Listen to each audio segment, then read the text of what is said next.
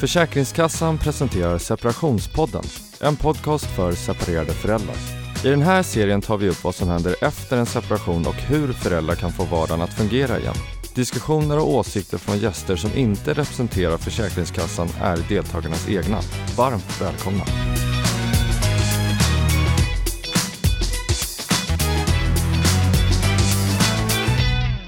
Mycket välkomna ska ni vara till det tredje avsnittet av Separationspodden. Och mitt namn är Sofia Wistam och tillsammans med mina gäster här i studion ska vi även denna gång prata om den utmaningen som en separation och skilsmässa kan utgöra.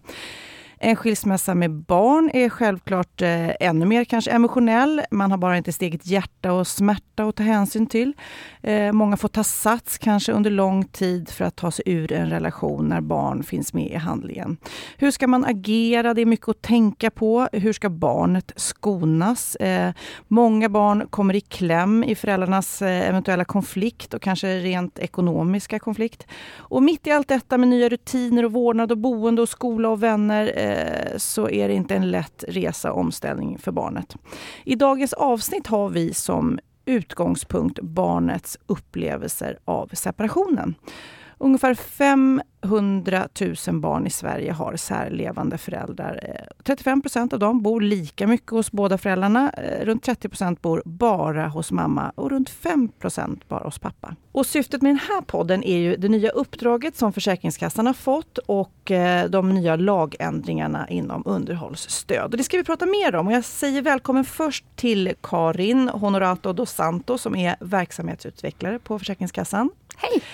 Eh, välkommen! Det här är ju då tredje avsnittet och redan nu har vi ju fått eh, frågor om det här såklart. Många blir nyfikna, kanske till och med lite rädda och oroliga. Vad innebär de här lagändringarna? Kan du på ett kort konkret sätt förklara lite vad det är? Mm. Försäkringskassan har ju fått ett nytt uppdrag eh, som innebär att vi ska hjälpa och stötta föräldrarna eh, när det kommer till underhållsbidrag. Eh, vi kommer kunna hjälpa föräldrarna att beräkna. Vi kommer kunna hjälpa dem att tala om vad som är viktigt när man gör beräkningen, vad som händer när man, eh, när man vill göra om beräkningen, när man ska göra om beräkningen eh, och så vidare. Sen är det även så att det har kommit en del lagändringar inom underhållsstöd. Mm. Eh, vilket gör att om den bidragsskyldige föräldern, den som alltså ska betala för barnet, den som inte bor med barnet. Eh, om den föräldern betalar prickfritt till Försäkringskassan i sex månader. Eh, då kommer vi att höra av oss till föräldern och säga att det verkar ju fungera här. Den, den förälder som ska betala, betalar ju som den ska. Ni ska behöva komma överens om det här själva. Mm. Eh, och eh, sen är det även så att um, det kommer inte längre finnas något umgängesavdrag inom underhållsstödet eftersom att det är en stor källa till konflikt. Eh, och är det så att man ligger efter med betalningar till Försäkringskassan så kommer man också att behöva betala en viss ränta på den skulden man har.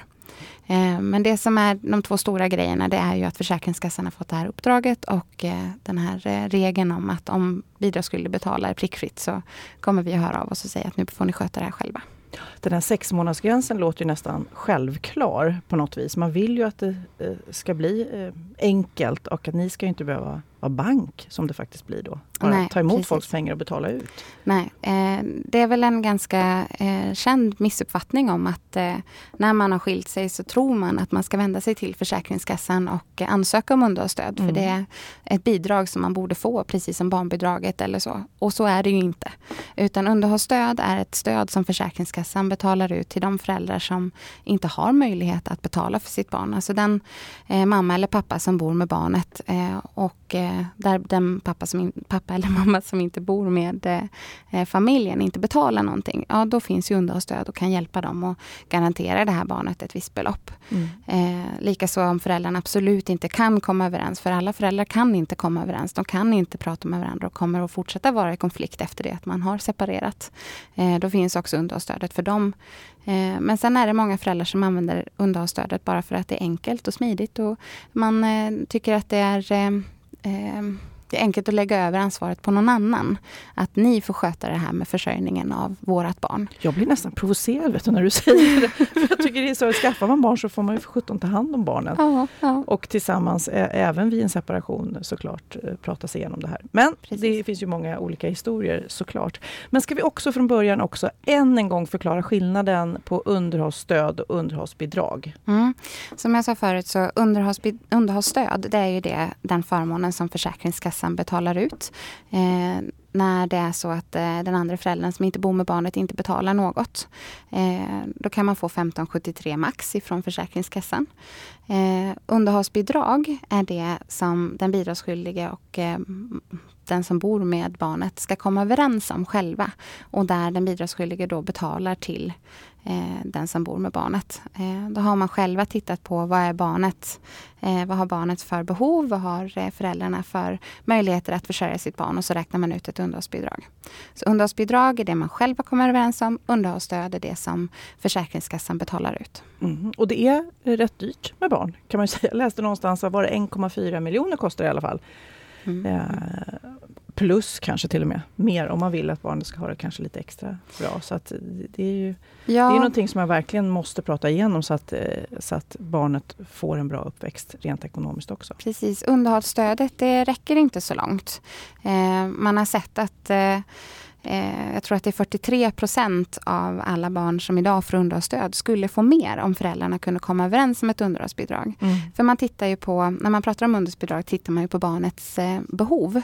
Alltså vad har det här specifika barnet för behov? Och så räknar man ut det och man hamnar ofta över 2-3 tusen, kanske ännu mer. Eh, och det här ska delas på föräldrarnas, eh, på båda föräldrarna, både mamma och pappa eller eh, barnets förälder. Så att båda bidrar till barnens försörjning. Eh, och det är det sina... som är så provocerande att många pappor då så drar jag alla över en kammare. Men oftast papporna då tänker att betalar de där 1573 så har jag gjort mitt. Då är det klart. Ja. Och, och så gäller, är det ju inte. Nej, och då gäller det att mamman, om vi säger att det är en pappa och en mamma som har fått ett mm. barn. Då gäller det att, att mamman kan stå upp med de här 1573 också. Men om är det då så att den som har barnet inte har så bra ekonomi, då blir barnet underkompenserat. För att när man tittar på underhållsstöd och, och det som är tanken med underhållsstöd, det är att eh, eh den förälder som bor med barnet ska kunna bidra med minst 1573 kronor till det här barnet. Mm. Sen får det barnbidraget som är på 1050 kronor. Och sen ska den bidragsskyldige som då inte betalar utan Försäkringskassan betalar de här 1573. Det är de pengarna som barnet har. Det är runda slängar 4200 kronor. Eh, och det är det som ska gå till barnet och barnets försörjning. Är det då så att, barnet in, att barnets förälder som, som den bor med inte kan betala de här 1573, att den har så pass dålig inkomst, så pass dåligt eh, överskott ska vi säga, att den inte kan, kan betala det här, då blir barnet underkompenserat. Mm. Eh, Ja, det vill vi ju faktiskt nu med denna podd också informera riktigt mycket om. Så att, Precis. Så att man lite får upp ögonen för vad man faktiskt har rätt till. Ja, och det som är viktigt att, ta med här också, det är ju det här med underhållsbidrag, att föräldrarnas båda inkomster är viktiga att titta på. Även den som mm. har barnet och den som då ska eh, bidra med försörjning eftersom den inte bor med barnet. Mm. Och vi har pratat om det tidigare och vi ska prata mm. om det igen. De här eh, fantastiska verktygen som faktiskt finns nu mm. på Försäkringskassan. Eh, så man kan hitta rätt summa. Men vi har fått in eh, lite reaktioner på de avsnitt som har varit redan nu. Man kan gå in på separeradeföraldrar.se eller hashtag separationspodden eller er Facebook-sida. Jag tänkte läsa ett här nu eh, från en Jessica. Förstår fortfarande inte hur ni kan göra så här mot oss boendeföräldrar eller mot barnen som kommer bli utan pengar. Om ni verkligen tror att bara för att ni har fått betalt i sex månader skulle det här fortsätta eh, fungera. Ni har nog lurat er själva mer än oss. Det här är hårda ord. Mm, det är det och det är ju klart att föräldrarna är lite oroliga mm, nu. För mm. Hur ska det gå? Hur kommer de kunna klara försörjningen för sina barn? Eh, det är helt förståeligt. Eh, Men vad händer då? I sex månader har det faktiskt flyttit på och sen så blir de eh, utskrivna om man säger så och sen så skiter det sig. Ja, vad händer då? Det som händer det är att, eh, att de söker om underhållsstöd och sen ser vi att eh, här fungerar betalningen. Den bidragsskyldige betalar som den ska efter det som Försäkringskassan har sagt att så här mycket ska du betala. Eh, och eh, den betalar prickfritt ehm, och då hör vi av oss. Då skickar vi ett brev till båda föräldrarna och säger att här verkar det fungera. Ni sköter betalningen som ni ska. Eh, nu får ni försöka komma överens om ett underhållsbidrag istället. Och sen informerar vi om våra verktyg, om våra handläggare som står till tjänst för att kunna liksom, hjälpa dem att beräkna om de behöver den hjälpen. Eh, och eh, sen om de inte har några särskilda skäl så till att det ska fortsätta gå via Försäkringskassan så drar vi in underhållsstödet vilket betyder att vi slutar betala underhållsstödet till boföräldern och barnet. Och då ska den bidragsskyldige betala direkt till eh, boföräldern och barnet. Precis, men det låter ju bra. Men hon mm. säger där, vad händer om det inte fungerar då? Om det inte fungerar, eh, när vi har dragit in underhållsstödet så ser, väntar vi och ser, fungerar det, betalar de? Eh, och fungerar det då inte, då får man söka igen. Då får man söka underhållsstöd igen. Så att vi finns där. Fungerar det inte, då ska man vara hos oss. Mm. Eh, det känns ändå som att det behövs mycket kraft och energi att mm. söka igen och hålla på och strida och bevisa att det här fungerar inte. Det är ju för barnets bästa som den här lagen har kommit eh, till, eh, till kraft. Det är ju för att eh, man ser att om man kan komma överens om ett underhållsbidrag då har man ofta kommit överens om andra frågor också. Så att för barnen blir det en mindre konfliktfylld vardag om man faktiskt kan komma överens om hur mycket man ska betala och hur mycket man ska bidra till sitt barn. Eh, Likaså att eh, man ser att om barnen då skulle få ett underhållsbidrag så skulle de få mycket mer. Så barnen får då mer pengar att röra, röra sig med. Och vem vill inte att sitt barn ska ha bättre än, än det minsta. Liksom. Vem vill inte att ett barn ska ha eh, bättre än minimumbeloppet? Men det man kan säga till Jessica är i alla fall att om det inte skulle funka, mm då finns ni där igen. Ja, det är det, det viktiga att veta. Vi kan stötta dem igenom hela processen. De kan eh, ringa till oss och vi kan prata med båda föräldrarna och vi kan hjälpa dem att beräkna genom att de talar om vad de har, eller de skriver in vad de har för uppgifter, eh, för inkomster, vad barnet har för behov och så vidare. Eh, och så kommer vi att kunna få fram en siffra till dem. Men det är de föräldrarna som måste komma överens om den här siffran och säga att ja, men det här är okej. Det är inte Försäkringskassan som beslutar att vilket belopp de ska betala om de går över till underhållsbidrag. Mm. Tack så mycket eh, för nu. Nu ska jag säga hej till Nina, Nina Stenbom som eh, arbetar på familjeperspektiv och arbetat med barn och föräldrar under 25 års tid eh, och egentligen varit en vägledare kanske under just separationer och skilsmässor så att inte barnen ska komma i kläm. Just i, i det här avsnittet så har vi lite barnen i fokus. Och hur, hur skulle du säga, har du upplevt att egentligen barn klarar sig igenom en skilsmässa och separation? Är det många som kommer till skada?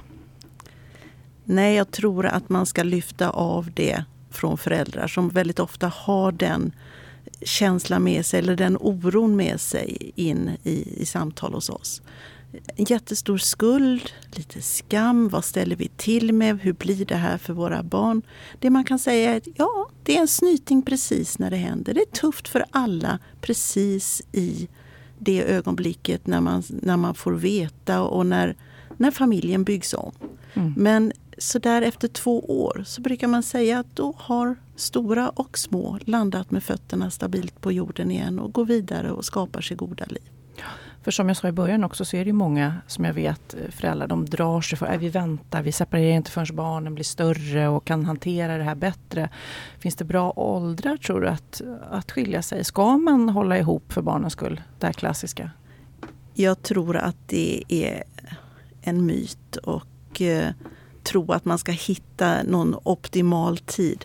Det är väldigt mycket en fråga om hur man gör det. Mm. Att vara så klok som möjligt i processen och ge barnen det stöd de behöver och uppföra sig på ett klokt och, och, och, och redigt sätt som vuxen och som förälder i den processen. Och det tänker jag att vi kommer att prata mer om idag.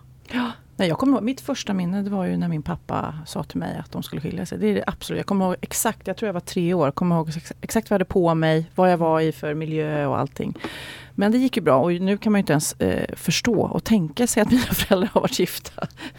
Men, eh, men det har de. Nej, och jag kom ju till så att det var väl något bra då. ja, tänka. och jag tänker att, att man, man får inte se separationen som som eh, någonting som börjar, alltså ruta 1A är inte när, när det här beskedet kommer. Utan det är ju naturligtvis någonting som har föregåtts av en relation som inte har varit god för de vuxna. Ja, och kanske inte för barnen heller. Och kanske inte för barnen mm. heller. En del har levt i väldigt eh, konfliktfyllda hem. Eh, och då kan man ju fråga sig varför ska, man, varför ska man fortsätta med det? Är det för barnens skull?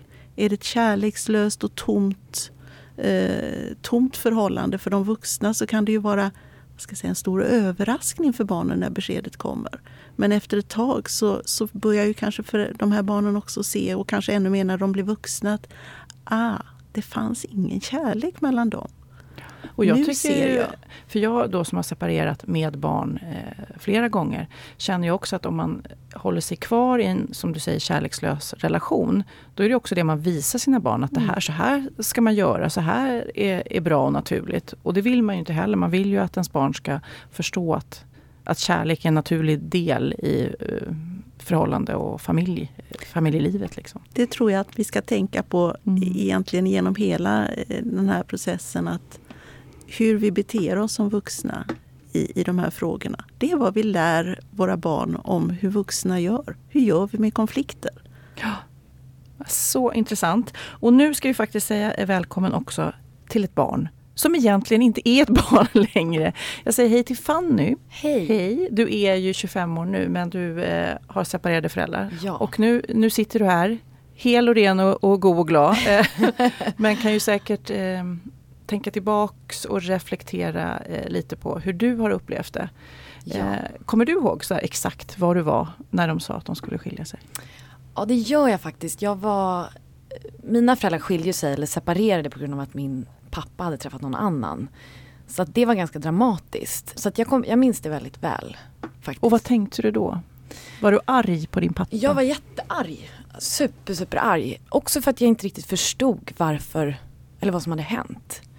Men jo, det var, det var, jag var också äldst. Jag har två småsyskon. Så att därför tror jag att jag tog liksom mycket ansvar. Och, eh, och jag är väldigt nära båda mina föräldrar. Jag har alltid varit det sen de skilde sig också. Men jag tror att jag tog väldigt mycket ansvar och, och liksom, eh, så att jag minns absolut.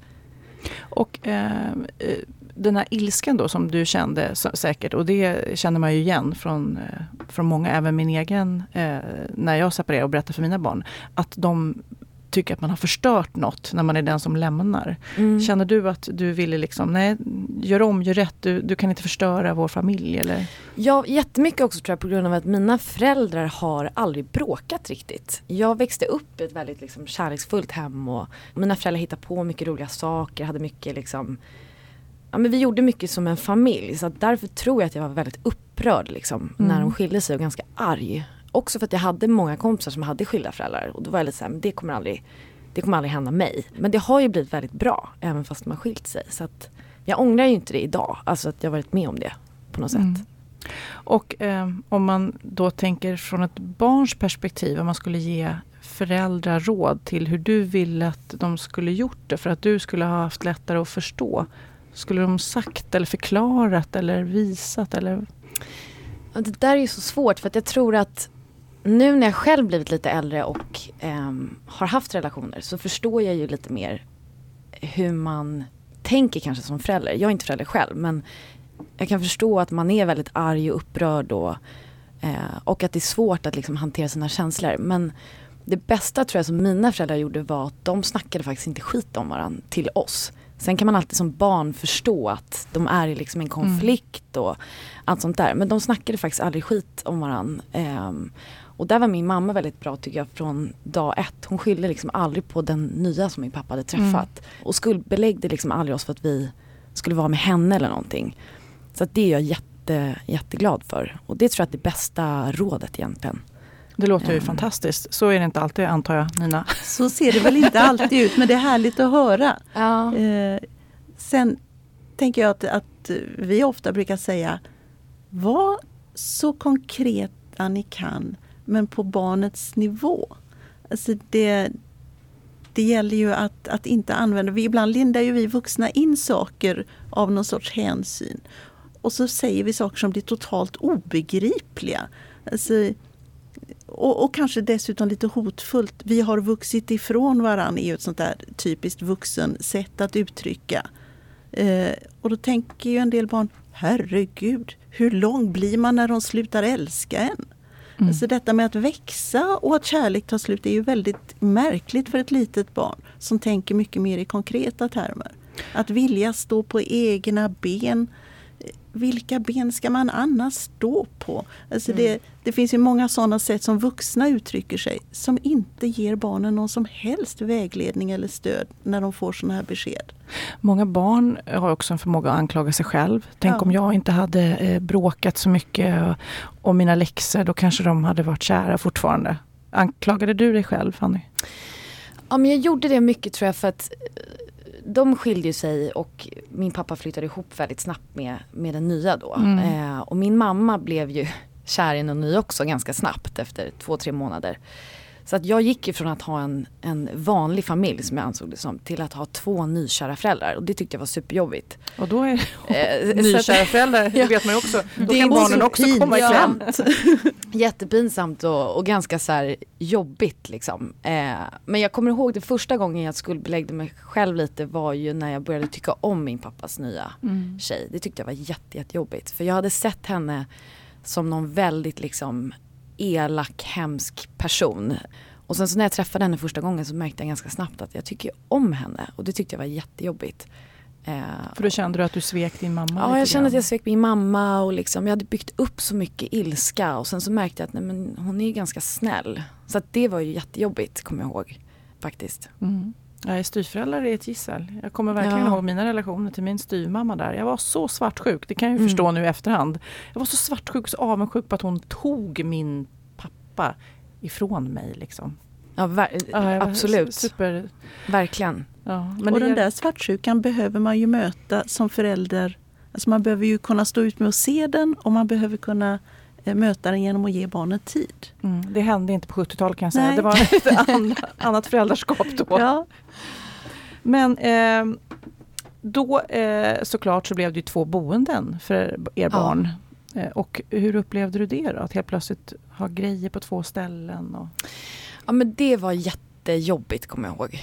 Att liksom eh, man glömmer skolböcker, man glömmer grejer. Även om mina föräldrar liksom inte snackade skit om varandra så var de ju osams. Det, det märkte man ju liksom. Så att det var ju inte så att mamma kom hem till pappa och hämt, hjälpte mig att hämta mina grejer och pappa till mamma liksom. Um, nej men det var jobbigt. Och sen så tror jag framför allt också att det var det var jobbigt det där med att min pappa flyttade ihop med sin nya nästan direkt. Jag fick en ny bonusbror som jag inte tyckte var liksom jätterolig kanske. Och min pappa, eller min mamma hade ju lite varannan vecka boende då ihop med sin nya och hans två barn. Så att det var ju liksom lite, En hel logistik som du bara hel blev logistik, en del av ja. helt plötsligt ofrivilligt. liksom. verkligen. Eh, sen hade jag ju turen, jag hade ju eget rum liksom hos båda. Så att det var ju jätteskönt. Men eh, nej det var inte helt lätt. Eh, Det här är ju så här, en klassiker. Försökte du spela ut dem mot varandra? Absolut. Ja, eller för, det, för det vet man ju att man Ja. själv också höll på med. Så, men ja, pappa sa att jag fick det. Nej, Ja. mamma sa att jag fick Ja. Men visst är det lite härligt att barn har en sån kraft att skapa någonting gott i något rörigt. Någonstans så tänker jag att det är ett sunt beteende att man ser hur kan jag hitta något gott ja. i det här? Ja. Och man testar relationer och man känner sig för var gränser går och man eh, testar känslor och man ser om någon fortfarande gillar en och om man har någon nytta av de nya.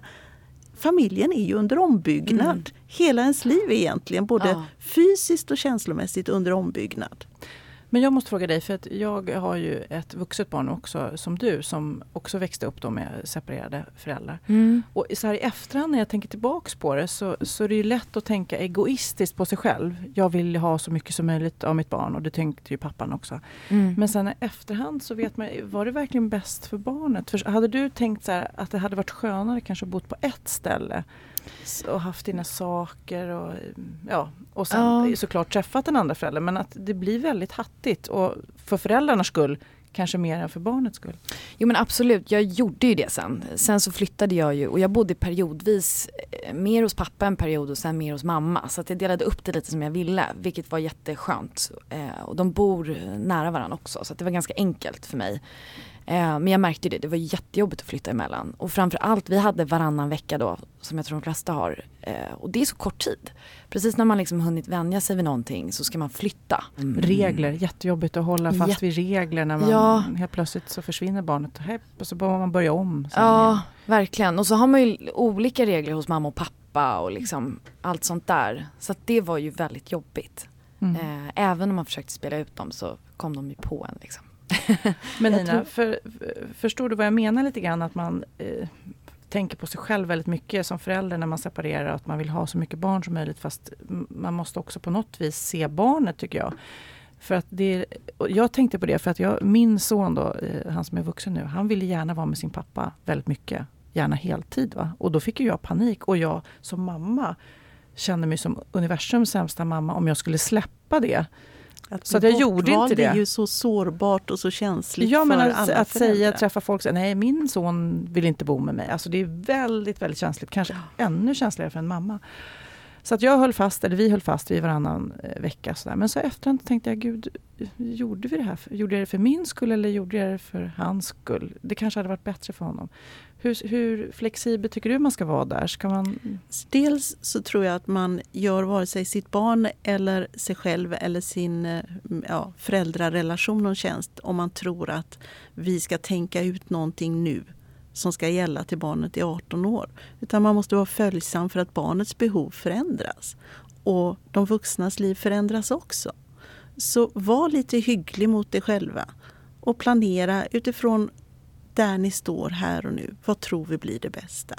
Och när man tittar på barns åldrar så kan man ju säga att med små barn så vet vi att deras eh, kapacitet till minne är inte fullt ut- utbyggt. Då ska man inte vara ifrån någon av föräldrarna för lång tid för det blir för tufft för barnet. Något som jag tänkte på som du sa också Fanny Mm. är ju att när mamma och pappa är rätt bra kompisar och har en bra relation. För då är det ju många barn som säger men herregud ni är ju så bra kompisar varför är ni inte kära för? Då kan ni ju ändå vara ihop om ni ändå gillar varandra så mycket. Det är ju rätt vanligt resonemang. Är, är det dumt kanske, eller nu frågar jag egentligen er båda, liksom, att, att de visar så himla bra att de är så bra kompisar för då lurar man lite barnet. Ja, eller så här, mina föräldrar var inte kompisar, men de snackade inte skit om varandra i alla fall. Sen så läste man ju av ganska fort ändå att, att det var konflikter sinsemellan. Eh, men vi har ju liksom kunnat, eller det går lite perioder att de är kompisar. Just nu tror jag att det eh, de, kan, de ses ju liksom om någon fyller år eller vissa högtider och sånt där. Men det är ju inte jätteenkelt så. Och du var ju äldst som du sa eh, och har mindre syskon. Känner du att ni har reagerat olika på separationen? Absolut. Jag är ju äldst så att jag tror att jag har tagit ganska mycket ansvar eh, för mina syskon. Och också sinsemellan mamma och pappa. Jag har alltid liksom känt av ganska mycket att ja, men nu är mamma lite ledsen eller nu är pappa lite ledsen och liksom försökt medla väldigt mycket mellan dem. Och så fort till exempel min pappa kunde säga någonting, inte som var någonting dumt om mamma, men om det var någonting så här, ja men det är lite som din mamma, alltså någonting som kanske inte var superpositivt. Så blev jag direkt, ja men mamma är så bra eller, och vice versa. Så att mina syskon har inte brytt sig om det på samma sätt eh, alls faktiskt. De är mycket mer, eh, jag tror inte att de har tänkt på det så mycket. Däremot vet jag med min lillebror, han var ett år när de skilde sig så han har ju liksom han kommer inte ihåg att de har varit tillsammans. Liksom. Det där Eh, gör ju en jättestor skillnad. Mm. Han Ja. har ju ingen bild av att de är en enhet. Nej. Det hade du. Ja, han trodde ju inte ens att de kände varandra tror jag, när han var tre, fyra någon gång. så att liksom det är ju, eh, ja, och det tror jag, det har min mamma varit väldigt sådär, hon tycker att det är ganska sorgligt att han inte har, har eller kommer ihåg det eller fått växa upp i, i en familj. Det vet jag att hon har varit ganska sådär, ja men det är lite sorgligt. Lite men sorg. ja. men eh, samtidigt så har ju han haft två bra föräldrar. Så att Och nu har inte... du nya styv, eh, pappa, mamma och nya syskon och sådär. En jättefamilj. Eh, är det bara positivt eller kan det kännas rörigt? Nej men nu tycker jag att det är positivt när jag är lite äldre. För Mm. att jag bor inte hemma. Så då, då tycker jag att det är jättehärligt med Det en sån många familj. julklappar. Många julklappar. Exakt. Jag får både får mycket julklappar och behöver ge mycket julklappar.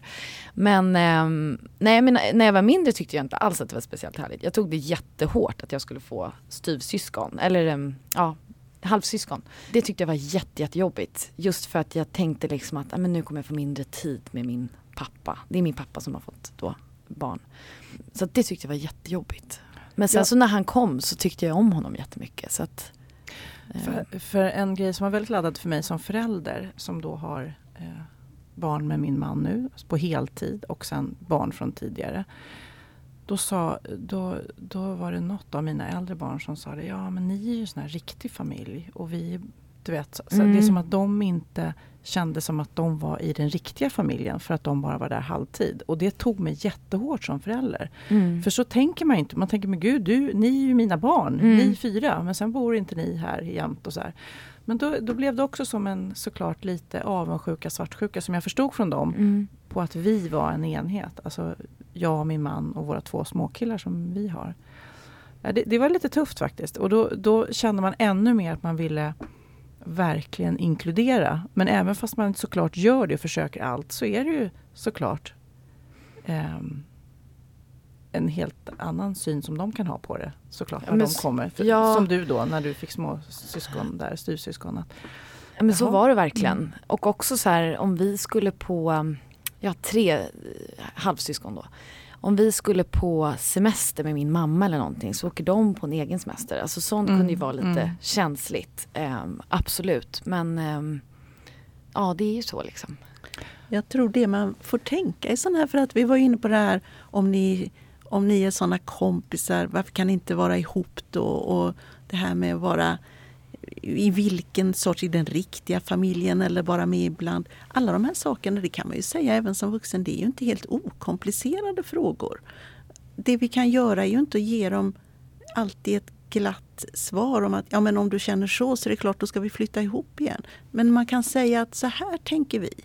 Det här, så, här, så här har vi hamnat där vi är nu och inte vara så rädd för de här samtalen. För det jag märker ofta, det är när vi pratar som står utanför. När jag träffar eh, syskon eller ett enskilt barn och pratar om sånt här så, så blir det så här, har du pratat med mamma om det här? Eller har du sagt det här till pappa? Nej, jag vill inte att de ska bli ledsna.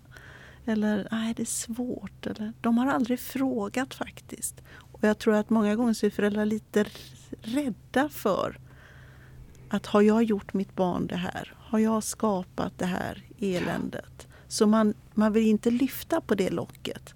Men det är nog vad man behöver göra som förälder. Man behöver vara tillgänglig för de samtalen. Man behöver öppna för att det är möjligt att prata om det här. Vi kan tänka ihop om det här. Man kan till och med säga att jag är också lite ledsen över att det blev så här.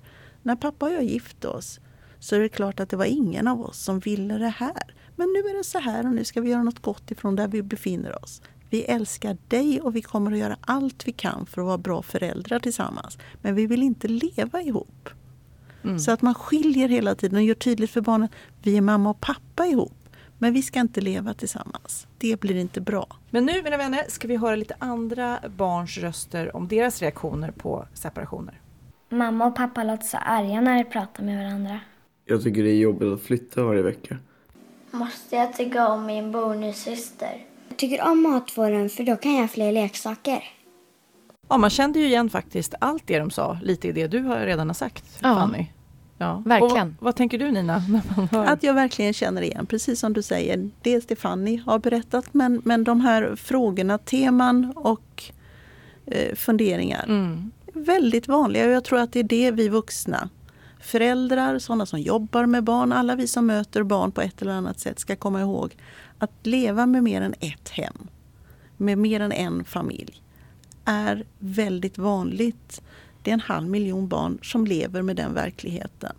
Man har eh, kanske det livet själv. Man kanske har en bästis som bor på olika ställen olika veckor. Man har kanske eh, en granne som, som man eh, vet att ibland är barnen där, ibland är de inte där.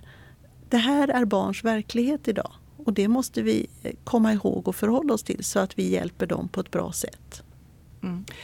Det känns också som att eh, vissa barn i alla fall reagerar väldigt starkt precis i början när de får reda på att föräldrarna ska skiljas och innan de förstår vad det innebär. Och sen landar de i det. För jag har eh, sett min sons kompis som har separerade föräldrar. Han var väldigt utagerande och väldigt bråkig och störig under en period. Men sen landade det. Så man förstod nästan att det här måste vara hans sätt att bearbeta skilsmässan. Känner du igen det Nina? Ja, och, och, därför så tänker jag att det är viktigt att vi kommer ihåg att kärnfamilj är kanske inte norm på samma sätt som när vi som är vuxna nu växte upp. Tänk att detta är livet. Detta är, det här är inte ett katastrofområde, det är en del av livet. Möt barnen där de är. Och, och ställ frågor, ta inte för mycket för självklart. Jag tänker på det när du berättar om att vi, vi också gör, vi har våra hypoteser. Jag hade en av mina ungars bästisar i, i bilen skulle köra hem honom och så visste jag att hans föräldrar just gick igenom en rätt stökig skilsmässa. Och så, och så suckade han och så sa han Nina, det är skönt att vara här. Ni är, ni är en riktig familj. Jaha, okej, okay. vad tänker du då? Vad, vad är en riktig familj? Ja, du har filtar i bilen och så är det så himla mycket mat i kylskåpet. Så jag tänker att vi ska inte heller dra våra slutsatser Ja. om att åh, stackarn, han är ett skilsmässobarn. Vi måste ju också unna oss att ställa lite frågor. Ja. Och egentligen var det filtarna han tänkte på. Ja, det hade ingenting med hans föräldrars skilsmässa att göra. Nej. Men du, tror du ofta att föräldrar och barn upplever en eh, skilsmässa olika? Absolut, och så ska det väl vara. Det är framförallt tre saker som jag tycker att man ska eh, fundera på. Det ena är ju att eh, tidsaspekten, alltså när, när förstår vi att det ska bli en skilsmässa? Föräldrar har ju ofta eh, försökt skona sina barn från det här men pratat på tu man hand på en vuxennivå rätt länge. Jag, jag har inte så bra i den här relationen eller du är en skitstövel, jag vill inte vara med dig. Alltså beroende på vilken nivå men, men det har ju försigkommit på vuxennivå under lång tid ofta. Och sen kommer stunden när man berättar för barnen och där börjar deras resa. Så man är ju lite i otakt tidsmässigt. Eh, Det andra är att barn är barn. Deras eh, kognitiva förmåga, alltså deras hjärnkapacitet är annorlunda. Vi är färdigbyggda på hjärnkontoret när vi är runt 25. Så beroende på var man är åldersmässigt så har man sin uppmärksamhet och sin mottaglighet för olika saker. Och det påverkar naturligtvis också hur man som vuxen och barn förhåller sig till separationen. Och det tredje är att vi har olika saker som är viktiga för oss. För eh, Alice är kanske den absolut viktigaste frågan efter att mamma och pappa har berättat att de ska flytta ifrån varandra. Var ska hamstern bo? Kommer min hamster alltid att vara på samma ställe där jag är? Mamma och pappa kanske funderar på folkbokföring, underhållsbidrag, eh, vad vet jag. Så vi, vi måste respektera och möta barnens reaktion och eh, känsloliv där de befinner sig, inte där vi tycker att de ska vara. Vi hoppar vidare till Försäkringskassans och hur de kan hjälpa till. Och i den här obalansen som jag återkommer till lite. Har man någon skyldighet då, som, om man är den personen som kanske har lite mer gott om pengar och eh, har råd att betala. Har man någon skyldighet då att se till att barnet har det ungefär lika bra på båda ställena? Ja, barnet ska, eh, ska kunna ha det ungefär lika bra hos båda föräldrarna. Och båda föräldrarna är skyldiga att försörja sitt barn. Eh, har man eh, flyttat ifrån sin familj då är man fortfarande skyldig att försörja eh, barnet. Precis så som man gjorde när man bodde ihop. Eh, och det är klart att ekonomin förändras nu och man behöver se över det när man nu har separerat. Men man är fortfarande underhållsskyldig för sina barn även om man inte bor ihop med dem. Mm. Hur tycker ni att Försäkringskassan kan hjälpa och underlätta så mycket som möjligt för barnet? Mm. Eh, vi finns ju här och kan eh, hjälpa till med frågor kring underhåll, hur man räknar ut ett underhållsbidrag och så vidare. Eh, man kan även vända sig till eh, vår självbetjäningstjänst, en eh, räknesnurra som man själv kan fylla i eh, och komma fram till ett underhållsbidrag. Mm. Eh, har man frågor kring den och hur man ska göra så är man självklart välkommen att kontakta oss. Och det ska vi prata mer om nästa avsnitt. Ja jag. men precis, Mm. vi ska göra det. Eh, är det så att man inte att man verkligen inte kan komma överens och en förälder vägrar betala, eh, ja, då finns ju underhållsstödet. Eh, och då kan man få det eh, från oss om man söker. Eh, sen ska vi också nämna att är det så att man absolut inte kan kommunicera, man kan inte prata med varandra, då finns det andra ställen man kan vända sig till och få hjälp med hur man ska kommunicera kring barnet. Till exempel kommunens sam samarbetssamtal. Eh, där kan man få hjälp med eh, frågor som rör barnets vårdnad, som rör barnets umgänge, vart barnet ska bo någonstans och även hur man ska kommunicera kring barnet. Eh, vilka frågor eh, ska vi prata om? Alltså vad är viktigt för oss kring det här barnet? Man har ju Eh, också hjälp, man kan också prata om barnets försörjning i samarbetssamtal. Så att, eh, Precis. jag tänker att föräldrar kan få stöd på socialtjänstens familjerätt. Är man bekymrad eh, över sitt barn, om man, om man tänker att jag, jag känner mig jätteorolig, det, det dyker upp beteenden som jag inte alls känner igen. Så finns det ju BUP, det finns eh, BRIS har eh, tillsammans med, ofta är det i socialtjänstens regi, barngrupper där barn får dela med andra barn som har samma erfarenhet av separation. Barngrupper som heter Skilda världar som är jättepopulära. Som är ett sätt för barn att både få dela tankar och känslor, sätta ord på de känslor man har, hitta lite gränser om vad, vad behöver jag vara med om och inte. Eh, och dessutom är det väldigt mycket kul och bus och skoj så att det är inga tunga dystra eh, grejer utan det är jättepoppis och det kan man fråga i sin hemkommun. Mm. Fanny, kände du att du hade någon att prata med eh, när dina föräldrar skilde sig? Var det, hade du Ehm. någonstans att vända dig? Ja, jag gick faktiskt till en barnpsykolog. Mm. Det tyckte jag var jätteskönt. Ehm, och ibland gick jag med faktiskt både mamma och pappa. Eh, och ibland bara med en förälder åt gången. Det var jätteskönt faktiskt. Då kunde jag berätta om hur jag tyckte, tänkte och om jag var ledsen över någonting. Och så var alltid den personen lite på min sida. Så att det var jätteskönt. Ehm, och sen pratade jag jättemycket faktiskt med både min farmor och med min mormor.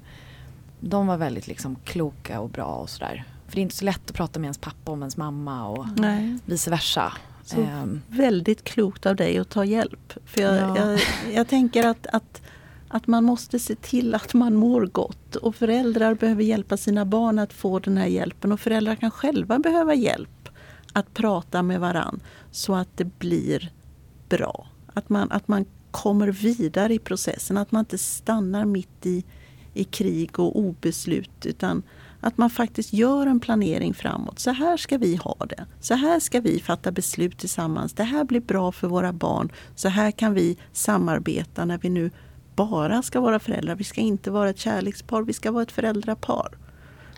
Det känns som dina föräldrar gjorde mycket bra måste Ja. jag säga. ja, men framför allt så är det ganska svårt att jag kan ju inte riktigt prata med min mamma om jag har en konflikt hemma hos pappa. För hon vet ju inte vad som har hänt.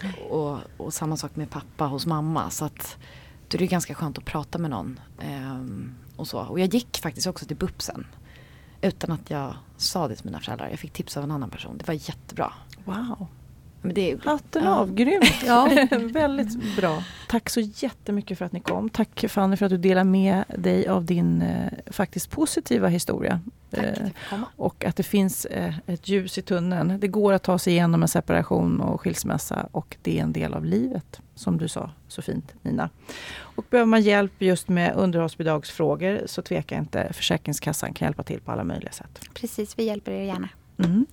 Eh, då säger vi hej då och vill ni tycka till om det ni har hört här, kanske har ni frågor, så tveka inte. Separeradeforaldrar.se eh, eller separationspodden försäkringskassan.se. Där kan ni komma i kontakt med oss. Och hashtaggen såklart separationspodden.